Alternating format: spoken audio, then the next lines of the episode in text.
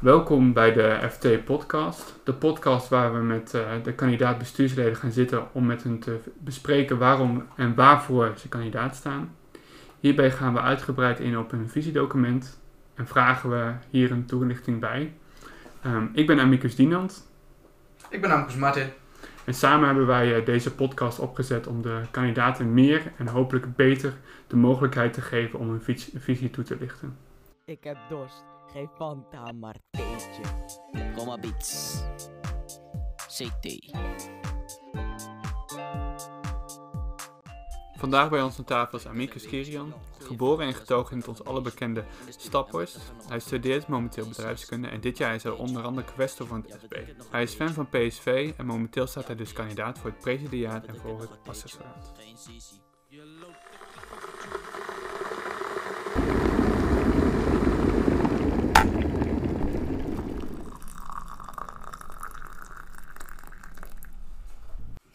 Ja? Nou, hij staat aan. Ja hoor.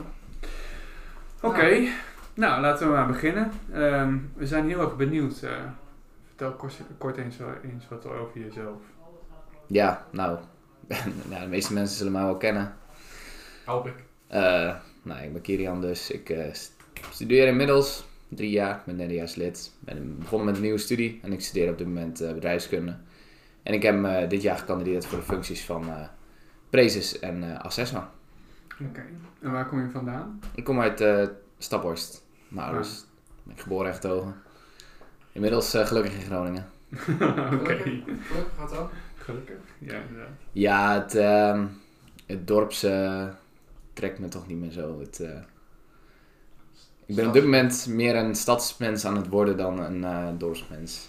Ik zie mezelf later in mijn leven nog wel een keer teruggaan naar een dorp voor de ruimte. Maar, het, uh, maar voor nu is het niet, heeft het niet mijn voorkeur. En wat, en wat doet u vooral uh, op de dag zelf? Uh, op dit moment doe ik niet zo heel veel. ik, ja, ik zit de hele dag thuis, dus ik zit vooral een klein beetje studeren, veel soggen. En dat is mijn dag wel een beetje. Nice. Ja. Nou, laten we toch maar even op teruggaan. Een korte anekdote over uzelf. Want zoals uh, waarschijnlijk velen van de vereniging weten, dat bent u nog geïnteresseerd in voetbal. Ja, En weet over alles wel wat te vertellen. Hoe, komt dat eigenlijk, dat u zoveel kennis heeft over voetbal? Ja, dat weet ik eigenlijk niet zo heel goed hoe dat uh, ontstaan is. Ik was uh, namelijk op echt als kind, kind zeg maar, op de basisschool helemaal niet zo'n sport- of voetbalfan. Maar later, dat ontstond eigenlijk op mijn middelbare schooltijd. En dat is iets wat altijd wel blijven hangen is en waar ik me steeds meer in verdiept heb. En uh, wat ook in mijn studentenhuis kwam ik natuurlijk in een burger in een uh, huis dat ook al redelijk voetbalgek was. Als enige PSV-fan tussen de Ajax-fans. maar dat zorgde er wel voor, daar werd wel veel voetbal gekeken. En uh, we hadden het er wel veel met elkaar over. Dus dat heeft het alleen nog maar verder gestimuleerd in mijn studententijd eigenlijk. Kunnen we deze vorm van passie voor voetbal ook verwachten voor, in de vereniging? Ja, zeker. Die, dat, uh, nou, dat is wel een hele grote toezegging trouwens. Mijn passie voor voetbal is wel erg groot. Maar uh, nee, uh, voor de vereniging mogen jullie zeker ook een soort gelijke passie verwachten, ja. Oké. Okay. En waar kunnen we straks jullie laten tegenkomen? Bij Veronica en Site aan de tafel? Of, nee, daar, daar zie ik mezelf niet zitten. Voelt je iets te serieus daarvoor of wat is de reden? Nou, je laat je wel in een uh, behoorlijke hoek drukken door bij bepaalde praatprogramma's te gaan zitten. Dus, uh, Vangt uh, Johan Derksen niet? Nee, behalve als ik het salaris van Johan Derksen ervoor krijg, dan wordt het heel snel anders. Het zou wel een mooie promotie voor de vereniging zijn als je daar als ja, dat is waar. prezes op assessor gaat zitten. Ja. nou, laten we dan toch doorgaan. Waarom heb je uiteindelijk kandidaat gesteld voor de functie van prezes en voor assessor?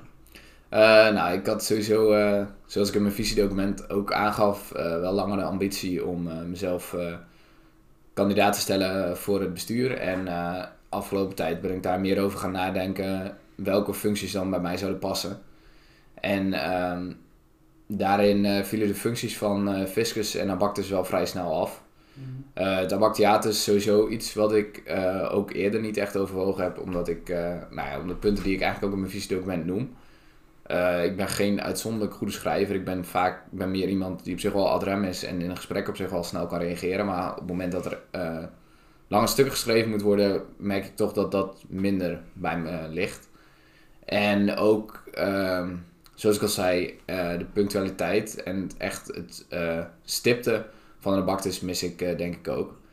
Dus dat was iets wat ik sowieso al niet echt, snel, niet echt in overweging nam. Eh, maar ik heb eh, vroeger wel eens gedacht, eerder op de vereniging, denk, dat ik dacht van als ik een bestuursjaar ging doen, zou ik misschien wel voor het fiscaat gaan. Ehm, maar dat is ook iets omdat ik eh gaandeweg mijn studie, ik studeer natuurlijk bedrijfskunde en daarin komt ook al een zeker, zekere, zeg maar, een, een kant van bedrijfskunde is wel het cijfermatige, het financiële en ook, nou ja goed, ben dan dit jaar ook SB, maar dat stelt niet zoveel voor. Maar het is ook al veel vanuit mijn studie dat ik denk van, dat is toch niet wat mij trekt. En ehm, voor die twee functies zou het wel lastig worden om mezelf een jaar lang voor de vereniging echt voor de volle 100% in te zetten. Mhm.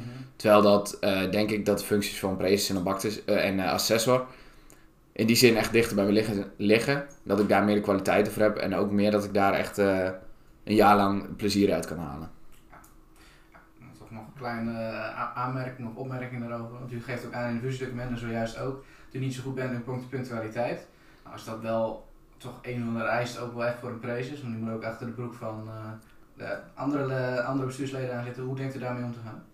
Ja, nou, zoals ik al zei, het is niet mijn sterkste punt. Maar eh, de punctualiteit die van de praise, zeg maar, ik bedoelde ook daarmee wel het, echt het stipte. En op zich heb ik wel mezelf gaandeweg mijn studie eh, een discipline aangewend waarin ook ik wel het initiatief kan nemen. En eh, ook wel gemerkt ehm, dat dat wel ehm, gaandeweg mijn studententijd wel echt meer geworden is. Dat ik ook ehm, het nemen van initiatief daarin en in die zin wel nauwgezet zijn afspraken eh, nakomen, mensen daarin ook aansturen, dat het wel iets is wat ik geleerd heb. En al zal het nooit mijn, een kenkwaliteit voor mij worden, het is wel iets waar ik inmiddels wel van kan zeggen dat ik dat wel tot op zekere hoogte wel bezit. Laten we dan eh, nu verder gaan naar uw visiedocument. Wat is volgens u zelf eh, het belangrijkste punt van, je, van, uw, van uw visie- visiedocument? Ja, dat vind ik vrij lastig, omdat ik niet zo ehm, heel veel echt verschillende punten binnen mijn visiedocument heb aangestipt. Ehm, maar een groot gedeelte van mijn eh, visiedocument gaat toch wel ook over ehm, hoe we als vereniging ook de komende jaren kunnen blijven bestaan. En ik merkte toch wel, ook gaandeweg het schrijven van het visiedocument, dat ik het wel ehm, echt belangrijk vind dat onze vereniging weer nou daar zijn we nu al eh, mee begonnen en in, bezig. Maar ik merk toch wel dat ik zelf echt belangrijk vind dat de vereniging ook eh zekere bekendheid blijft genieten, maar dat er ook echt een aanwas van nieuwe leden komt. Ik zou dat niet per se het belangrijkste noemen, maar dat is wel iets wat ik eh, veel door mijn hoofd heb laten gaan tijdens het schrijven van het visiedocument. En dan ook nog eh, dingen eigenlijk die u niet heeft benoemd in het visiedocument, maar die u nog wel graag zou, zou, zou willen toevoegen? Of waar u niet aan toe bent gekomen om bij te zetten, of waar u achteraf heeft gedacht misschien dat dat nog belangrijk is om te benoemen? Nee, ik moet eerlijk zeggen, dat, ja, het zal er ongetwijfeld zijn, eh, maar ik kan daar nu zo geen voorbeeld eh, van noemen. Wel eens natuurlijk, als ik hem later nog eens doorlees, ook vooral nadat je me ingeleefd hebt en je dus geen Ja. veranderingen meer aan kunt doen, komt toch wel eens naar boven dat je denkt van, eh, oh wacht, dat had even iets anders neergezet moeten worden. Maar niet, eh, niet, geen concrete dingen die ik nu kan noemen of zo. En qua promotie ehm geeft volgens mij vooral aan dat, dat u externe partijen wil benaderen. Zit- ligt daar ook een taak bij, bij de vereniging of is dat eigenlijk alleen toegeschreven aan de commissie? Ehm, nou, de concrete invulling daarvan zou ik nu nog niet al te veel over uitweiden, omdat dat ook iets is wat denk ik niet in de visie eh, thuis hoort. Maar ik denk in een visiedocument. Maar ik denk, eh, ik denk wel dat omtrent het, ehm, nou ja goed, zeggen welke vereniging je zit. En de vereniging ook bijvoorbeeld aan mensen in je omgeving laten zien welke vereniging je zit. En dat ze daar eventueel ook lid kunnen worden. Ik denk dat wel, dat wel een eh, taak is die breder kan reiken dan alleen de PUBSI. Ehm, buiten, de, zeg maar, buiten de gegeven standaarden als eh, de site, de Instagram pagina, Facebook. ehm, denk ik wel dat het uiteindelijk al overhalen vooral nou ja, via de mond-tot-mond reclame, om het zo maar te noemen, binnen de, vre- binnen de kringen eh, gaat waarin wij ons bevinden. En dan denk ik ook wel dat die taak wel iets breder ligt eh, dan alleen een PUBSI. Maar de invulling daarvan zou ik nu nog niet echt eh, willen benoemen. Of kunnen benoemen ook. Als we dan toch eh, op het onderwerp publiciteit zijn, laten we dan eh, daarmee verder gaan. heeft ook het een en ander eh, nog gezegd over dat er, nou, er zijn natuurlijk wel grote stappen gezet in de publiciteit, zoals u zelf benoemt. Maar dat er toch de pool zeg maar, daarvoor nog uit wil breiden. Zeg maar. Ehm, hoe denkt u dit zelf verder te gaan doen? Eh, nou, ik bedoelde dat meer te zeggen als eh, in dat, we, dat ik zag dat we nou, leden echt op verschillende manieren, als we kijken naar de huidige sjaars ook, die zijn op hele verschillende manieren bij onze vereniging terechtgekomen. Eh, maar juist de groep die we van oudsher het makkelijkst aantrekken, gewoon het eh, classic reformatorische school, vervolgens gaan studeren in Groningen en dan bij een vereniging gaan. eh, daar hebben we helemaal niet zoveel van getrokken. En die raken we kwijt. Eh, en ja, dat worden er juist minder. En eh, dat is wel iets waarvan ik denk, nou misschien kan daar nog wel meer ehm, in gedaan worden. Door bijvoorbeeld ook het echt met een school als de Pieter Sant. En natuurlijk is dat eh, ook lastig omdat het landelijk daar een groot gedeelte van zich op, eh, landelijk een daar een gedeelte van zich op zich neemt. Maar bijvoorbeeld de school als Pieter Sant waar wij al jaren naartoe mogen. En ehm, waar ik dan bijvoorbeeld afgelopen jaar zag, omdat ik zelf toevallig bij was, dat Pieter Sant, eh, zonder daarbij verder eh, met onze vereniging over contact te hebben, wel een eh, hele middag voor drie VWO'ers, vijf VWO'ers, zes VWO'ers organiseert over het studentenleven en de studententijd. Ik denk van eh, dat we daarin eh, bijvoorbeeld met zo'n school best wel mee om tafel kunnen gaan zitten, zodat we dat samen kunnen invullen. Ja, zeker. Ja, proactiever handelen om daaraan mee te doen. Ja, precies. En ehm, niet alleen, want misschien zou het ook wel ehm, ja, bepaalde ehm, kerken of iets van die aard. Maar ik moet wel zeggen dat dat bij mij minder ingekleurd is nog. Omdat ik eh, eh, dat ook wel echt aan de hand benoemde van het voorbeeld van die school. Waarvan ik dacht van, nou, Ja, dat, dat, dat is iets waar we nog echt wel winst uit kunnen halen. Uh, toch nog een, korte uitbreiding erop, want u benoemt ook in de visie van onder andere dat er dus heel veel Zand eh, studenten zijn geweest die dus niet bij de vereniging zitten. Kun je die nog andere manieren benaderen? Mensen die al zeg maar, in Groningen wonen, maar eh, van Pieter Zand afkomen, die alsnog zeg maar, als tweedejaars nog kunnen trekken naar de vereniging? Ja, ik denk dat daarvoor de, ehm, het sowieso ook wel goed is om gewoon via de normale kanalen, zeg maar, de bekendheid. Maar ehm, het voorbeeld wat ik noemde van eh, die 20 mensen die in Groningen gingen studeren en waarvan er drie eh, of twee of drie bij een vereniging lid zijn geworden, blijkt dus juist dat volgens mij is ons grootste probleem daarin dat die mensen helemaal niet meer op kamers gaan. Mhm. Eh, de stap om op kamers te gaan is blijkbaar te groot geworden voor mensen. Ehm, dus ja, ik, misschien zouden mensen die van de Pieter Zand komen bijvoorbeeld en wel in Groningen wonen, maar geen lid zijn benaderd kunnen worden. Maar ik denk dat het nog een veel grotere groep is die gewoon eh, thuis bij de ouders woont. En uiteindelijk helemaal nooit een, iets van een studententijd in die zin ervaart. Moeten we dan zorgen dat er meer kamers beschikbaar komen, dat men makkelijker op kamers kan? Eh, nee, dat niet per se. Maar bijvoorbeeld ehm, we, eh, iets als het er mag vanuit mijn idee zeg maar, best wel meer gestimuleerd worden. Dat op, kamers gaan, dat het niet zozeer alleen een financiële investering is, maar dat je er ook wel echt wat voor terugkrijgt, Ja. zeg maar. Zonder dat het alleen maar geld kost en reistijd scheelt. Dus meer- En dat is een heel metapunt waar ik nu nog niet per se invulling voor heb. Maar ja, om, ik denk dat dat ook wel een groot probleem is van dat we niet meer uit die eh, klassieke pool mensen trekken. Dus niet alleen promotie van de vereniging, maar ook promoten om op kamers te gaan. Ja, of ga bij een vereniging. Maak iets van je studententijd in die zin. Maar dat zijn wel hele grote meterpunten waar ik me nu ook niet te veel over uitlaat. Maar ik kan me goed voorstellen dat dat een onderliggend probleem is. Kunnen we voor eh, volgend jaar meer studenten verwachten? Omdat die eh, bijvoorbeeld nog steeds in Staphorst zijn gaan wonen hun eerste jaar om eh, hun P te halen. En eh, toch alles online kunnen volgen. Dat zou kunnen, maar dat... Ja, daar weet ik ook te weinig over om daar een concrete uitspraak over te doen. Ehm, maar over het algemeen zijn er... Ja, ik vraag me af om eerlijk te zijn of we wel een eh, grote boost krijgen. Ook omdat eh, nou, de kans heel groot is dat we in ieder geval volgend jaar nog beginnen met een, eh, met een COVID-jaar. Ja.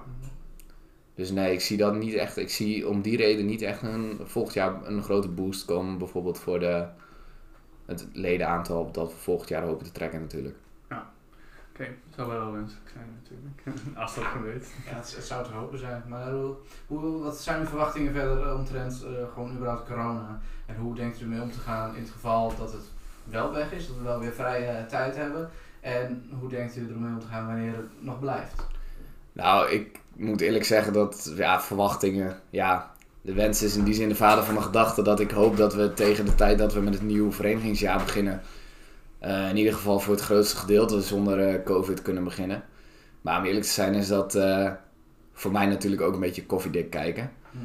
Maar in het geval dat we zonder corona zouden, dat we nog in ieder geval een nieuw jaar kunnen starten zonder dat er sprake is van corona, dan lijkt het me vooral heel leuk om gewoon alle dingen die we deden weer snel op te pakken. En dat we weer eh, Gaan we activiteiten inhalen of gaan we gewoon door zoals het altijd activiteiten inhalen. Wordt eh, op het moment dat er weinig concessies gedaan kunnen worden aan minder activiteiten wel heel druk. dus eh, Ja, dat denk ik niet. Maar ja, mijn voorstel zou dan wel zijn om zo snel mogelijk op de oude voet verder te gaan. en alle dingen die we nu missen in ieder geval weer te kunnen beleven. Mocht het, mocht het zo zijn dat we volgend jaar nog steeds, dat er eh, volgend, eh nou, collegejaar nog steeds eh, sprake is van corona, dan denk ik dat het vooral de taak is van een nieuw bestuur om dan de hoop te blijven scheppen dat het in ieder geval weer snel aankomt. En dat we tot die tijd ehm, veel kunnen bieden om mensen wel te laten, nog steeds bij men- voor mensen te laten blijken dat ze wel echt bij een vereniging zitten. Zou u eh, leden op, eh, oproepen om eh, te, te vaccineren? Om eh, zo snel mogelijk weer eh, activiteiten te starten? Zo, dat, is een, eh, dat is een moeilijke vraag. Ik zou zelf, eh, ja, persoonlijke titel eh, wel, denk ik. Dan hoop ik, eh, ja, dan hoop ik wel dat iedereen zich zo snel mogelijk laat vaccineren. Kun je dat eh, als bestuur verantwoorden tegenover de achterban? En dat zeg ik dat ik het op persoonlijke titel eh, zeg. En dat ik het dus niet eh, vanuit een rol als bestuurskandidaat zeg.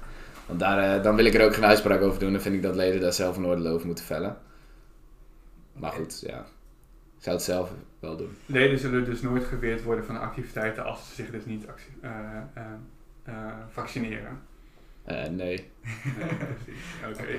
En dan eh, nog even een vraag over, ehm, mocht het inderdaad het geval zijn dat we nog wel corona blijven houden, gaat u dan inzetten op heel veel online activiteiten, heel veel vervangende activiteiten, wellicht meer op opvang voor mensen die alleen zijn, wat nu dus een beetje gebeurt. Eh, wat denkt u dat het belangrijkste punt is, wat dient te gebeuren op het moment dat het doorgaat? Corona. Ehm, ja, ik zou dan ehm, denk ik eh, wel gewoon focussen op inderdaad eh, online activiteiten, maar ook om het binnen de maatregelen ehm, die op dat, ja, waar we natuurlijk weinig uitspraak over kunnen doen, maar dat mensen elkaar ook binnen de maatregelen zoveel mogelijk kunnen blijven zien. Want ik heb soms het idee, en dat eh, voelt bij mezelf ook wel eens een beetje zo in corona, dat de vereniging iets is, eh, soms best wel een ver van mijn bedshow begint te worden. En dat is, eh, en ik denk dat het juist het belangrijkste daarin is dat, ehm, dat leden in ieder geval elkaar ook zien. En zij dat dan in grote groepen om online activiteit, maar ik zou het ook wel stimuleren om binnen de dan geldende maatregelen eh, te zien dat leden elkaar fysiek opzoeken, bijvoorbeeld in verenigingsverband. Omdat eh, leden zijn het, zeg maar, zeg maar, ja, de personen zijn uiteindelijk wel de mensen die je vereniging maken. En om dan toch nog eh, voor mensen in hun achterhoofd te laten houden dat ze wel echt, zeg maar, niet alleen student, maar ook lid zijn. Denk dat het goed is dat mensen elkaar ook in die zin blijven zien. En Hoe denkt u dat we gaan stimuleren? Nou, ja, dat zeg ik dus. Ik kan er niet al te veel concrete uitspraken over doen, omdat we eh, geen idee hebben wat de maatregelen is. Maar dingen als ehm, eh, maatregelen, bijbelkringen en eh, als het allemaal in kleine groepjes kan, U zou Bijbelkring wel fysiek door willen laten gaan? ja, dat is, een, dat is een uitspraak die ik nu niet kan doen, omdat ik geen flauw idee heb wat de maatregelen dan zijn. Ja, dat begrijp ik. Als het kan binnen de maatregelen, zou ik daar ontzettend voorstander van zijn. Kan het niet, dan gaat het online. Ja, maar dat lijkt me een vrij logisch antwoord. Ja, nou, dat ligt er. Het is toch eh, een manier van omgaan met regels. Dat is waar. ja. Nou, volgens mij hebben we de, de andere vraag ook wel gehad. We kunnen nu eh, doorgaan nog naar een iets meer conservatieve vereniging. Hadden we nog als onderwerp staan. Dat is vrij groot binnen uw visie. Dat u wilt, eh, de vereniging wilt houden zoals we zijn. Hebben we natuurlijk kort al zijn we op ingegaan inderdaad. Maar ehm, waarom wilt u eigenlijk de vereniging houden zoals we zijn? Eh, Is het echt zo goed al? Of is er gewoon, zijn er geen verbeterpunten meer mogelijk? Eh, nou, ik denk, eh, er zijn natuurlijk altijd eh, verbeterpunten mogelijk. Maar wat ik in mijn visiedocument ook aangeef, de basis die we hebben, is fantastisch. We hebben echt een, op verschillende activiteiten, we kunnen voor heel veel verschillende leden, verschillende mensen kunnen we dingen bieden. En ik denk dat er, mijns inziens, zijn er op dat gebied niet zulke grote veranderpunten nodig. Maar natuurlijk kunnen daar altijd aanpassingen in gedaan worden. Dat is hoe, ja, dat is hoe je als vereniging bestand blijft tegen de tijd. Maar eh, de basis die we hebben, denk ik dat ook ehm, in een eh, studententijd, een studietijd die heel anders is dan pak een beet de 15, 20 jaar terug, denk ik nog steeds dat dat heel goed eh, mogelijk kan zijn. Ook leden die, die heel veel activiteiten bijwonen, kunnen prima, prima nominaal studeren, om zoiets maar te noemen, zeg maar. Ja. Ik denk niet dat dat eh, het probleem is. En, en omdat ik dus zeg van, nou in ieder geval, eh, de dingen die we nu hebben, worden al jaren positief geëvalueerd door leden. En dat is le- waarom leden bij de vereniging blijven. Dus daarom, daar acht ik in die zin niet zo hele grote veranderingen nodig. Nou, dan nog eh, een laatste punt eigenlijk van het visiedocument. Gaat namelijk ook nog kort in over eh, commissiedruk en niet te veel veranderen en dergelijke. Eh, hoe ziet u dit? Want we hebben een krimpende vereniging, zoals u, eh, zoals u benoemt. Ehm, zorgt, denkt u dat het dan nodig is om activiteiten te gaan verminderen of niet? Eh, nou, wat ik in mijn visiedocument ook aangaf, is dat commissiedruk wel een belangrijke factor zou zijn in die afweging. Ik ben er namelijk aan zich niet zo heel erg voor om activiteiten zomaar te schrappen of om het aantal activiteiten erg naar beneden te halen, omdat ik toch vaak merk, ehm, een jaar terug hadden we bijvoorbeeld die enquête een meerjarenplan en als we dan over het schrappen van bepaalde activiteiten beginnen, blijkt dat een heel groot gedeelte van de leden en dus ook de, de stille meerderheid, zeg maar, ook echt nog wel de activiteiten vaak heel leuk vindt. En aan het begin van dit jaar hadden we ook een discussie over het terughalen van eh, verenigingsactiviteiten naar één dag per week. Maar toen bleek ook daar nog steeds niet zo heel veel animo voor te zijn. Dus dat is voor mij niet zo'n hele. Zeg maar, op het moment dat leden het nog steeds leuk vinden, is het niet, voor mij niet nodig om dat nu dus al terug te brengen. Dat kunnen we doen op het moment dat leden het eh, zelf echt willen. Ja. Maar ehm, wat we wel krijgen is dat we nu al, eh, zeg maar, bijna elk lid zit wel in één of twee commissies nu, of vaak twee zelfs. En als we nog verder naar beneden gaan, ehm, dan gaat er echt een groep komen die echt soms in drie commissies zit. Ja. En dat is hem, en, dat, en eh, op dat moment wordt het wel te belastend voor leden. En dat zou daarom voor mij een grote reden zijn om dan wel te zeggen van, ja, als er blijkbaar gewoon te weinig leden zijn om dit te kunnen organiseren, ja, dan houdt het op. Moet je dan wellicht meer vrijheid aan commissies gaan geven? Zeg maar dat ze zelf kunnen bepalen of de activiteit doorgaat of niet? In het geval dat ze er geen tijd voor hebben? Of, eh, Ehm, ik denk niet dat het de taak van commissies is om dat eh, per activiteit gaandeweg het jaar te maar beslissen of daar tijd voor is. Maar dat het dan meer een, ehm, iets zou zijn wat we over een heel jaar lang moeten kijken wat het is. Bijvoorbeeld zeg maar ehm, gaat eh, bij het verdelen, indelen van commissies ook wanneer blijkt dat leden echt veel te veel commissies hebben. Eh, en dat leden dus bijvoorbeeld ook sommige echt grote commissies met elkaar moeten gaan combineren. Denk ik dat dat iets is wat we dan gaandeweg eh, dat we dan voor een jaar moeten bepalen. En niet dat we Maar kunt u dat niet al inzien bij het, in principe het indelen van commissies? Dat op een gegeven moment dat sommige mensen het veel te druk gaan hebben. En dat u op die manier ook kunt gaan kijken, nou... eh, Ja, daarom. Maar dat is iets eh, wat eh, dan wat mij betreft later komt. Omdat we nu ook niet weten... ja, Hoe ver door zou gaan. precies. Dat is nu nog niet, niet te zeggen. Maar dat is wel iets waar dan tijd, eh, naar gekeken kan worden. En absoluut. Dus u wilt ook dan in gaan zetten op meer evaluatie vanuit de commissie zelf? Of, of het nog te doen was en hoe, hoe druk het was om te organiseren en al dat soort dingen. Eh, dat zou een mogelijkheid kunnen zijn, ja. Dat is iets waar ik nog niet echt... eh, eh, dat is nog niet een onderdeel waar ik in die zin over nagedacht heb. Oké. En eh, je zegt, zijn, zitten nu meer leden in één, in één commissie, of in meerdere commissies, sorry. Ehm, is daardoor de kwaliteit van commissies ook die achter nou, de jaren, doordat we minder leden hebben gekregen, achteruit gegaan? Waardoor we nu allemaal dingen nodig hebben om een commissie draaiend te houden? Dat weet ik niet. Of dat, eh, ik heb er ook te weinig eh, inzicht over of dat een trend is eh, van de laatste jaren. Ik denk op zich dat heel veel commissies nog wel prima ingevuld kunnen worden. Omdat heel veel commissies ook het organiseren van bepaalde onderdelen van het jaar is. Maar in principe wel gewoon, zeg maar, wat al, zeg maar, vaak gedaan kan worden zoals dat daarvoor gedaan is. Dus ehm, het is in veel gevallen gewoon het uitvoeren van dingen die ook wel eens eerder zijn uitgevoerd. Dus ik, ja, ik kan niet, als daar, ik, kan, ik heb niet genoeg inzicht daarin om te zeggen of dat echt een trend is, maar het lijkt me niet. Oké. Oké. Nou, laten we dan naar, eh, richting de afsluiting gaan. Eh, nog een eh, korte vraag van een van onze leden die ingestuurd is via Instagram. Ja, van Amika Henrike. En ze zegt, ehm, het presidiaat houdt in, het houdt ook het nemen van initiatief in. Hoe goed bent u daarin? Ze oppert daar een beetje Ja, we hadden- niet goed bent in. in We hadden het er net al over. Het is een lichtsturende vraag inderdaad. Maar, eh, eh, nou, ik denk eh, dat ik dat net ook al wel benoemd heb. Het- en ik denk dat ik prima op het moment dat er dingen gedaan moeten worden, het initiatief kan nemen. Omdat het, dat iets is wat ik bij mezelf vooral gewoon gaandeweg mijn studententijd merk dat ik daar beter in word. En dat op het moment dat een, ook in, binnen, binnen mijn studie wanneer iets niet loopt, dat ik gewoon, ehm, nou ja goed, wel het initiatief neem daarin en mensen wel eh, kan aansturen. Dus eh, nee, dat... ehm, Ga, gaat u ergens ik voor? denk niet dat het nemen van initiatief in die zin eh, gelijk staat aan ehm, dingen als punctualiteit, discipline, in die zin, andere punten. Ik denk dat ik daar dat op zich wel kan, wel goed kan. Gaat u ergens voor als u iets, iets op uw bordje krijgt? Dan gaat u, gaat u, hoe gaat u daarmee om? Eh, dat verschilt per ding. Ik heb bepaalde dingen waar ik me echt in kan vastbijten. En vaak is het zo, eh, als ik eh, begonnen ben aan iets, dan eh, maak ik het ook af. En eh, de, eh, de moeilijkheid zit hem bij mij vaak in het eh, beginnen van dingen en niet zozeer in het afmaken van dingen. Want eh, als ik ergens aan begin, dan lukt dat eh, altijd wel. Mooi. We zijn begonnen vandaag. ja, Precies, ja. dit is de start. Als we maar blijven lullen in deze podcast, dan eh, gaat het vanzelf. Ja. Nou, doe jij maar de stellingen dan. Ja, we hebben nog een, eh, een drietal stellingen voor u. En u heeft ze wellicht al eh, kunnen horen bij uh, uw vuilvoer. Jazeker.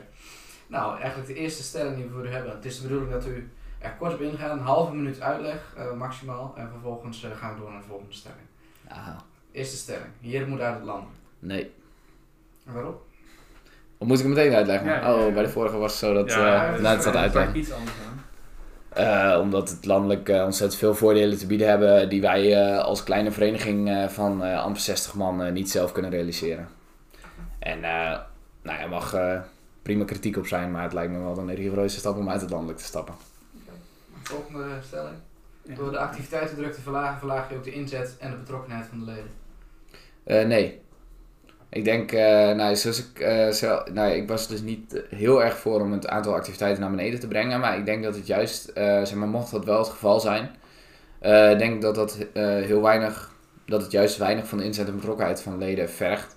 Omdat ehm, een activiteit dan wel meer bijzonder wordt in een week in plaats van een complete, in plaats van een van de vele activiteiten die tussendoor zijn. Het moment dat er dan wel een activiteit is, betekent dat ook dat je jezelf nou ja, goed echt naar de vereniging gaat en dan het maximale uit dat moment kunt halen. Dus nee, ik denk niet dat dat. eh, En natuurlijk kan het zo zijn op het moment dat er helemaal geen activiteiten zijn, dat de band met de vereniging wat minder wordt. Maar in een, actief... in een normaal verenigingsjaar zul je dan nog steeds waarschijnlijk meerdere keren per week je vereniging zien. Dus eh, nee, dat is niet iets eh, waar ik bang voor ben. Oké. En dan tot slot, eh, we hebben het al kort over gehad, maar eh, liever besmetten dan een dichte kroeg. Nee, zoals ik al zei, eh, laten, we, al, laten we veel doen, maar laten we dat absoluut binnen de maatregelen houden. En op dit moment is het gewoon onmogelijk om een eh, kroeg open te doen. En ook het eh, besmetten is iets waar ik eh, zeker, nee, dat sta ik zeker niet achter. Oké, nou dan waren wij nog wel benieuwd. Ehm, kunt u uw visie in een metafoor beschrijven? Ja, hier eh, ben ik gaandeweg de podcast al eh, over hebben nadenken, maar het lukt me gewoon niet. Eh, ja, dat is ook wel ontzettend lastig. Ja, ik had het in mijn campagne speech over de Phoenix die de vereniging was die uit de as herrees. Ja. Laten we het bij deze metafoor houden en er volgend jaar allemaal hopelijk zonder corona een fantastisch jaar van maken. En heerlijk uitvliegen. Ja, lijkt me goed. En heerlijk uitvliegen en inderdaad, nadat het nest verbrand leek, eh, ja, precies. toch weer eh, nieuw, maar ook tegelijkertijd dezelfde te zijn. Mooi. Mooi, laten we daarmee afsluiten. Bedankt voor de komst. Ja. goed. Dankjewel, ook eh, voor het interview. Yes. Nee, nee, geen zizi. Ik heb dorst. Geef Fanta maar theetje. Roma Beats. CT.